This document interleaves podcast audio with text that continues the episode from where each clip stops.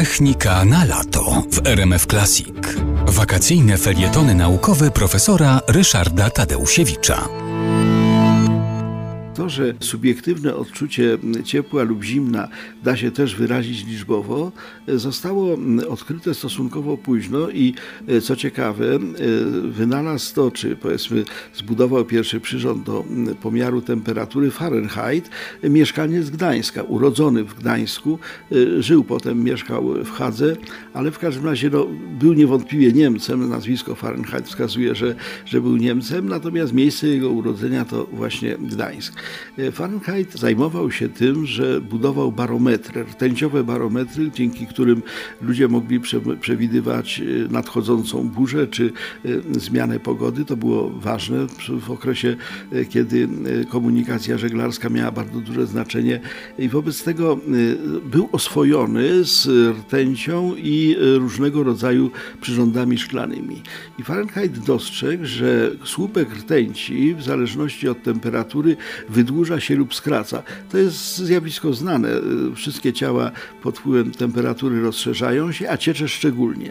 I wobec tego zbudowawszy przyrząd polegający na tym, że miał zbiorniczek z tęcią i potem bardzo cienką rurkę, w, którą niewielkie, w której niewielkie zmiany objętości dawały duże zmiany wysokości słupka rtęci, Fahrenheit zbudował prototyp e, pierwszego termometru. Natomiast, e, żeby to był przyrząd pomiarowy, to trzeba było go wyskalować.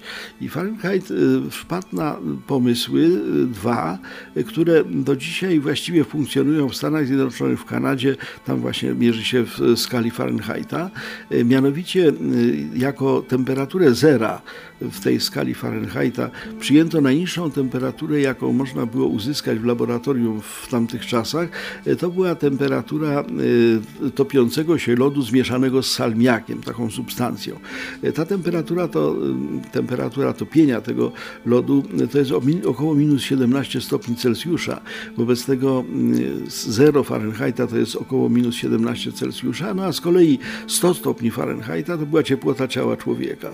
I pomiędzy tymi dwoma punktami podzielono odcinek y, tego y, słupa rtęci na, równych, na równe y, punkty. Fahrenheit wynalazcą również tego, że, że nazwał to stopniami, no i w ten sposób zaczęto mierzyć temperaturę.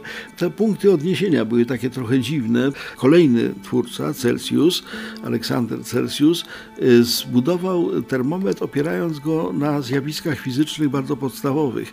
Zero to moment y, topnienia lodu, czyli po prostu przejścia wody y, z stanu płynnego do stanu stałego lub odwrotnie i moment, czy powiedzmy temperatura wrzenia wody to jest 100 stopni.